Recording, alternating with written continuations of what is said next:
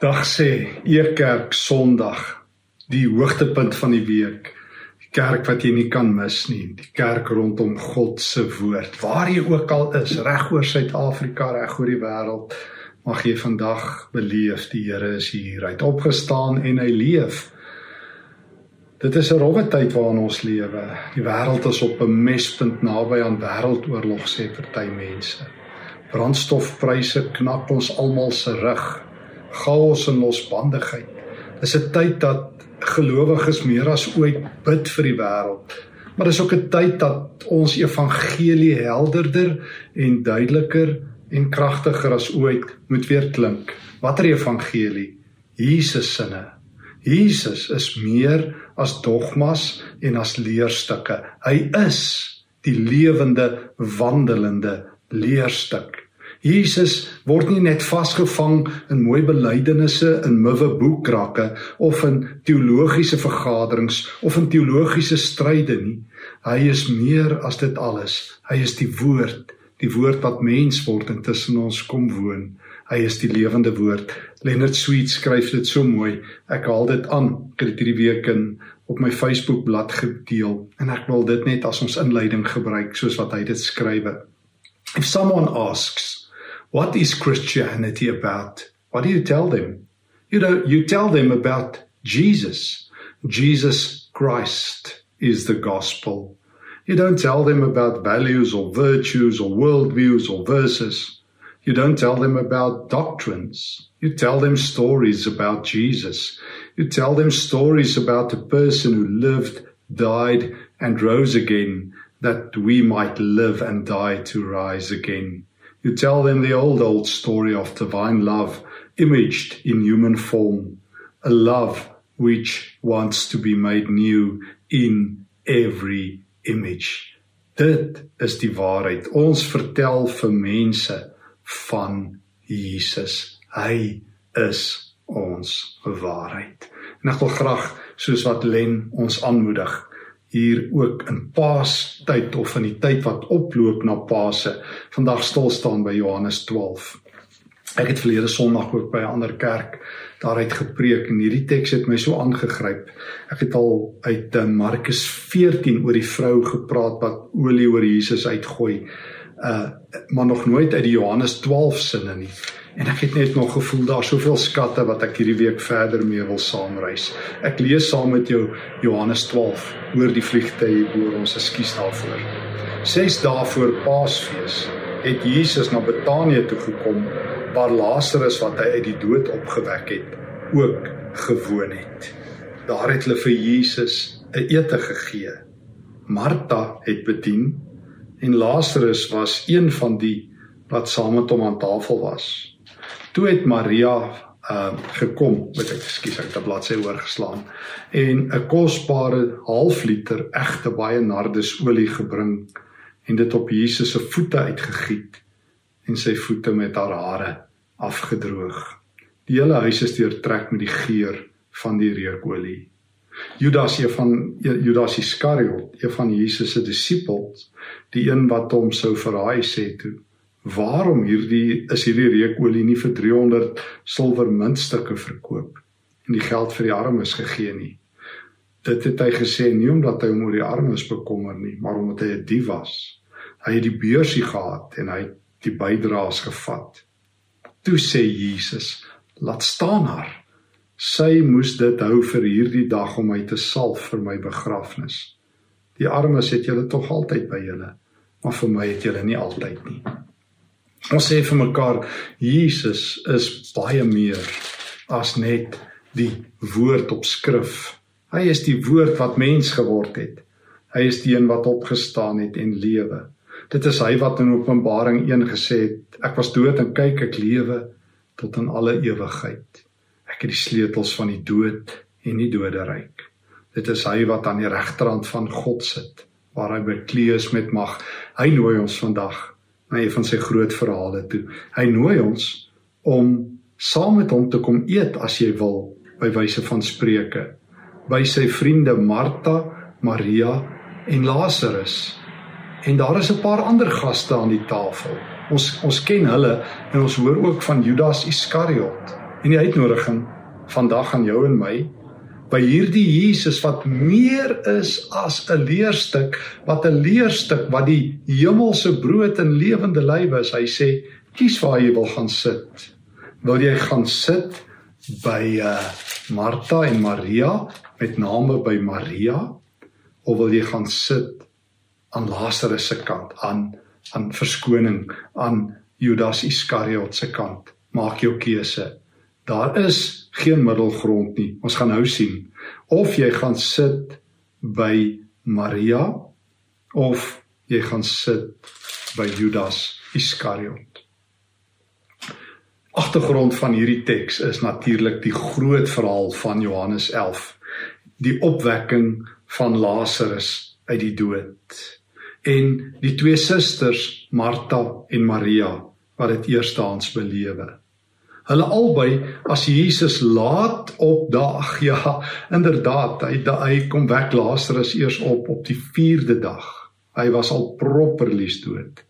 En beide, Martha en Maria, het 'n tipe verwytende woord na Jesus toe gehad. Beide van hulle lees ek in Johannes 11 toe Jesus daar opdaag, het hulle gesê: "Here, as U hier was, sou my broer nie gesterwe het nie." Maria sê dit in vers 32 en Martha sê dit ook in vers 21. Beide van hulle gaan daar na die graf toe en dan wek Jesus vir Lazarus op 'n aangrypende wonderwerk. Jesus sê eers sy bekende woorde: Ek is die opstanding in die lewe. Wie in my glo sal lewe al sterwe hy ook. En elkeen wat lewe en in my glo sal in alle ewigheid nooit sterwe nie. Glo jy dit? Vra hy vir uh, Martha wat hom so verwyd. En dieselfde vraag sekerlik na Maria toe. En dieselfde vraag vandag. Want jy en ek is genooi as gaste in die huis van Lazarus, Maria en Martha en Judas Iskariot. Lazarus was dood en daar sit hy. En ek dink hy het 'n paar verhale gehad om te vertel.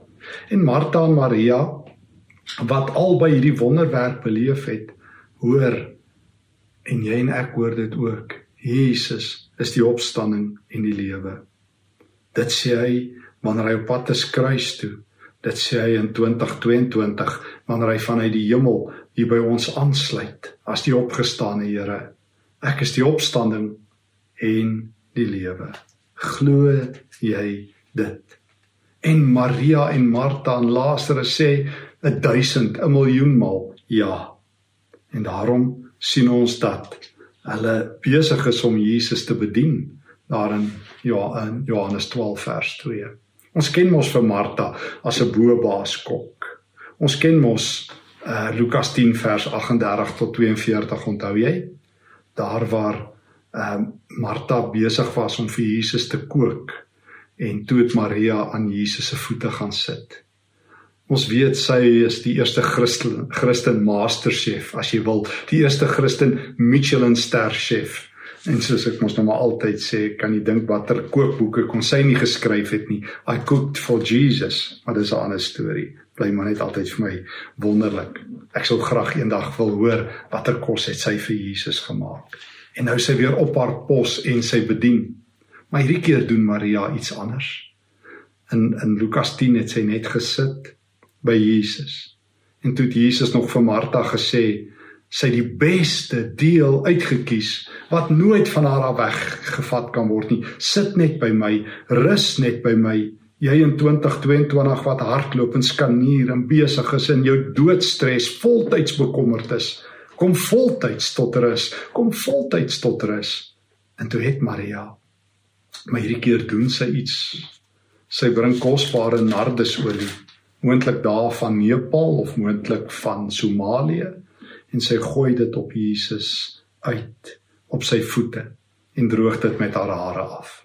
Ek wil nou nie in die vergelykings van Lukas 7 vers 36 waar ons ook so vroue het wat amper dieselfde doen en Markus 14 waar dieselfde verhaal vertel word as hier maar net met 'n onbekende vrou ook in Betanië. Ek wil nou nie in daai vergelykings ingaan nie. Maar maar ons is besig om vir mekaar te sê een Jesus is meer as 'n dogma op papier. Hy is die lewende woord. En Leonard Sweet moedig ons aan om hierdie evangelie te vertel en in hierdie verhale te begin lewe en vanuit dit te lewe. En daarom is ons genooi dus by die huis van Martha, Maria, Lazarus en Judas Iskariot en ander disippels is ook daar. Martha en Maria het net nou die dag belewe, ek is die opstanding in die lewe. En hier sit Lazarus, hulle eie broer. Hy het opgestaan. En nou maak hulle weer kos dienende Martha is op haar pos en leerende Maria wat aan Jesus se voete sit, kom nou met nardesolie en sy gooi dit uit en droog dit met haar hare af. Sy tree soos 'n slavin op. En dan dan vind daar die waterskeiding oomblik plaas as jy wil. Dan terwyl Jesus dit net laat gebeur, ontplof een van die gaste aan tafel, Judas Iskariot.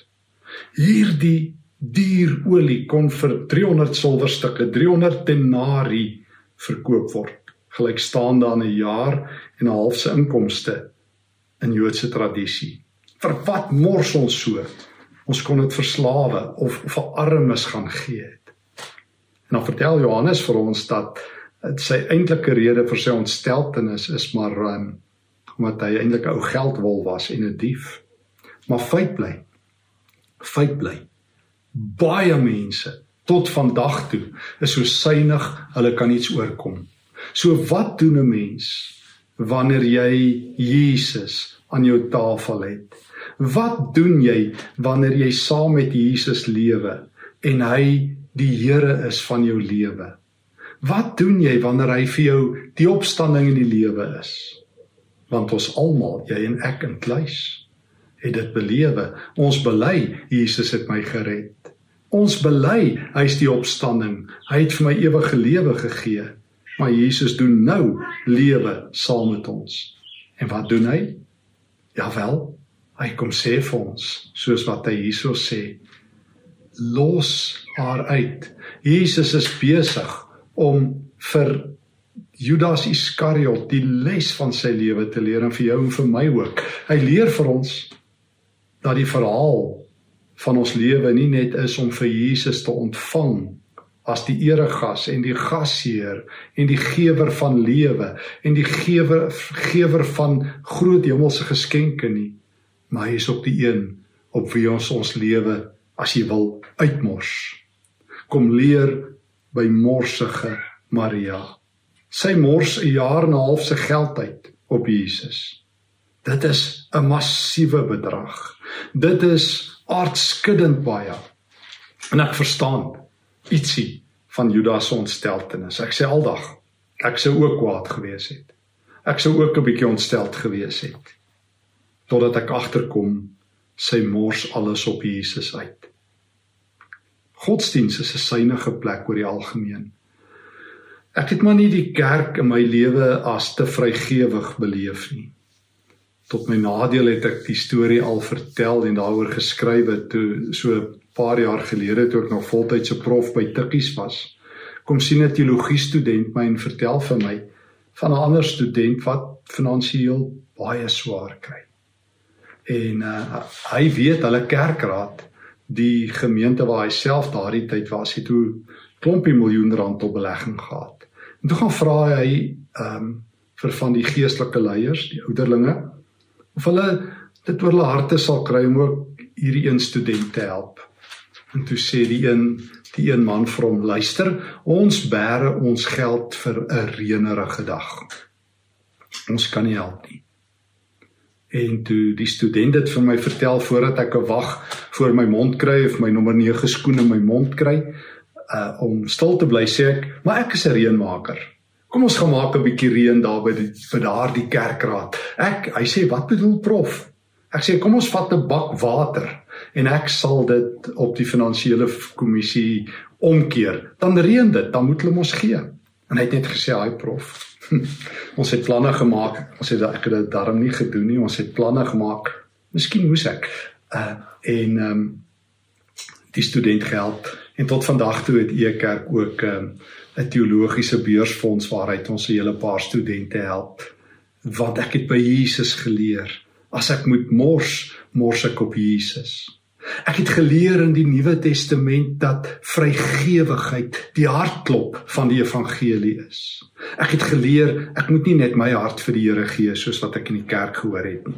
Dit almal wil net laarte vir die Here gee. Jesus kom gee sy hart vir ons. Terwyl Maria aan sy voete gesit het net nou die dag in Lukas 10, het Jesus sy hart met haar gedeel. Watter hart? Die hart van vrygewigheid, 'n hart wat liefde uitlek, 'n hart wat oorstroom in vrygewigheid. Dit is die verhale. So as iemand vir my vra, hoe lyk Christendom? Hoe lyk die lewe van 'n Christen? Dan is dit die lewe van Jesus wat ek agterna lewe. Die lewe van 2 Korintiërs 8 vers 9. Hy was ryk en hy het arm geword sodat ons wat arm is skatryk kan word.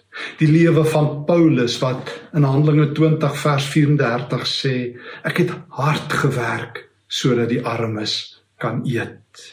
En net daarna in vers 35 van die Here Jesus het gesê, dis beter om te gee as om te ontvang. En hier sit die vrygewige Here aan tafel by Martha en Maria. Pas Pas net nou die dag het hy sy hand in die doderyk gesit en Lazarus uitgehaal en hom teruggegee aan hulle.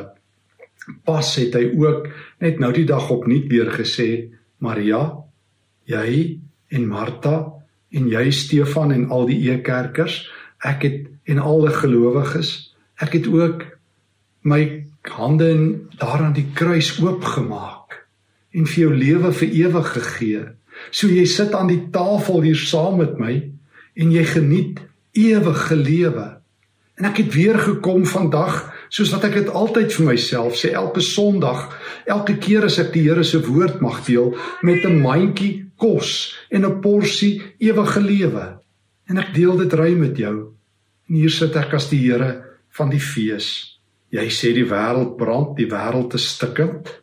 Maar kom sit by my aan die tafel. Jy Martha wat my dien met kos jy Maria wat leer en nou morsig nardesolie op my uitgooi. Jy met al jou seer kry Leefie eh, Markus 2 wat nou die dag nog gesond daar was by wie se lewe ek gebreek het en gesê het volg my. Jy kom sit hier by my aan die tafel. Maar ek sien ek sit Judas hierso wat beswaard is en moedeloos is en bekommerd is en verbitterd is en synig is. Kom leer by Maria, kom leer by mekaar, kom leef in hierdie verhaal in. Want weet jy wat Judas? En nou sluit ek by die Markus 14 storie aan as ek mag. Oral in die wêreld waar hierdie evangelie verkondig word, sal oor hierdie morsige vrou gepraat word ter herinnering aan haar. Oral sal daar oor morsige Maria gepraat word. En sal Christene geïnspireer word om vrygewig te lewe sal Christene meer doen as om net te sien hoe stikkend die Oekraïne is en hulle hande oopmaak en help. Sal hulle meer doen as om te sê kyk hoe swaar gaan dit in Suid-Afrika en help. Want wat help dit jy vertel hoe swaar almal kry en hoe arm almal is en jy mors dit nie uit op hulle nie? Want weet jy wat? Weet jy wat? soos wat die Spreukeboek sê en ek vergeet nou altyd vir Spreuke 19:17 of 17:19 is.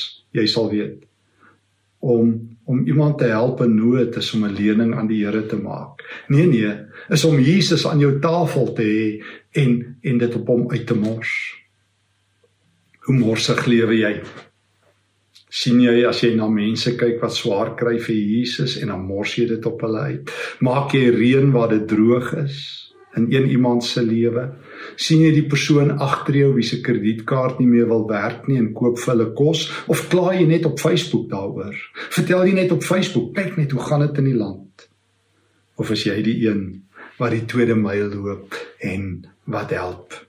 Ek het ook nou die dag die verhaal gedeel op Facebook van um, een van my Facebook vriende wat ehm um, ag, so 'n mooi storie vertel het van homself Ek wil sommer net gou die ou verhaaltjie hier oproep. Sommige net so 2 weke terug dit het my so baie baie geïnspireer. Waar hy net vertel van ehm um, van hoe swaar hy kry. En en hoe dit hoe dit moeilik is om welwillendheid te bewys. Hy sê dit is Dawid de Villiers, kan ek dit met jou deel? Hy sê hoekom is dit so swaar om wel, wel welwillendheid raak te sien? Is dit omdat ons self so min gee? Hy sê ek maak 'n belofte om vir iemand R200 via Money Market by Shoprite te stuur sodat sy kan klas bywoon. Ek stap met my twee krikke na die winkelsentrum om 'n geldjie by die kitsbank te trek. Daar's net R200 beskikbaar.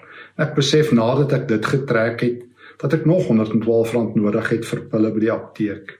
Ek weet ek het beloof en ek sukkel met my twee krikke oor die parkeerterrein na Shoprite.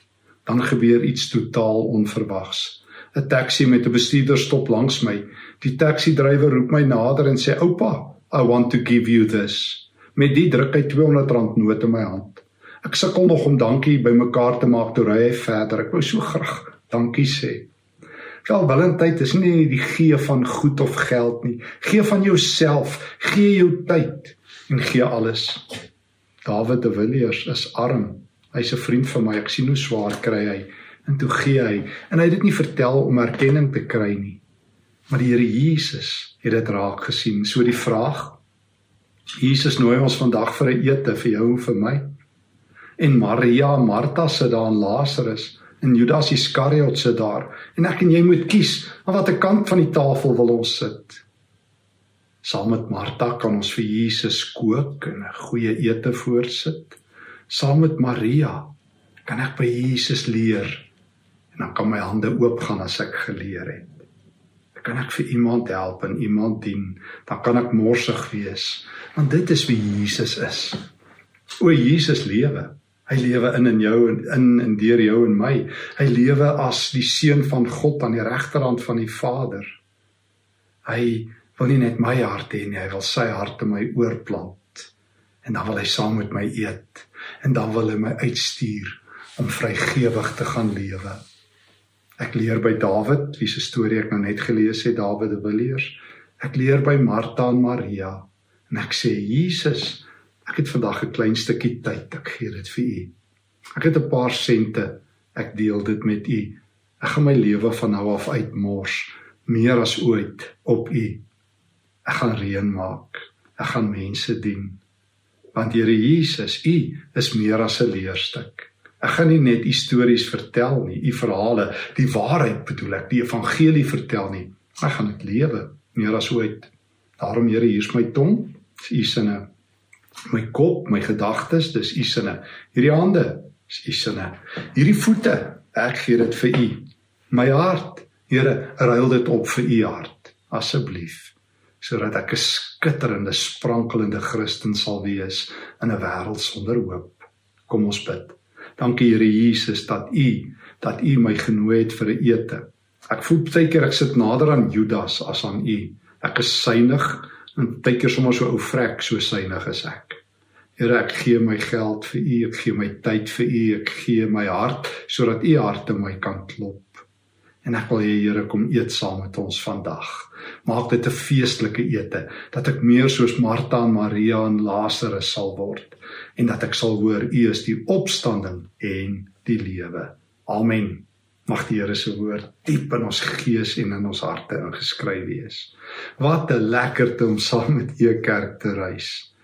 Dankie e kerkers, uh, ons almal saam dat ons ruim kan weggee. Jy sal sien op ons noodvideo's, ons het ook ruim betrokke gewees by pen aksie in die afgelope tyd by Dr Arnou van Wyngaard hulle se reuse bediening onder mense in nood in Swaziland wat vigsleiers is. Ons is betrokke by twee torings by Ellen Park ouetehuis waar ons onder andere 400 etes 'n maand borg. Ag, baie plekke. Die Here leer ons om vrygewig te wees, want dis die hart van Jesus. Mag sy hart in jou klop. Mag jy die hart hê van vrygewigheid. Vrede vir jou.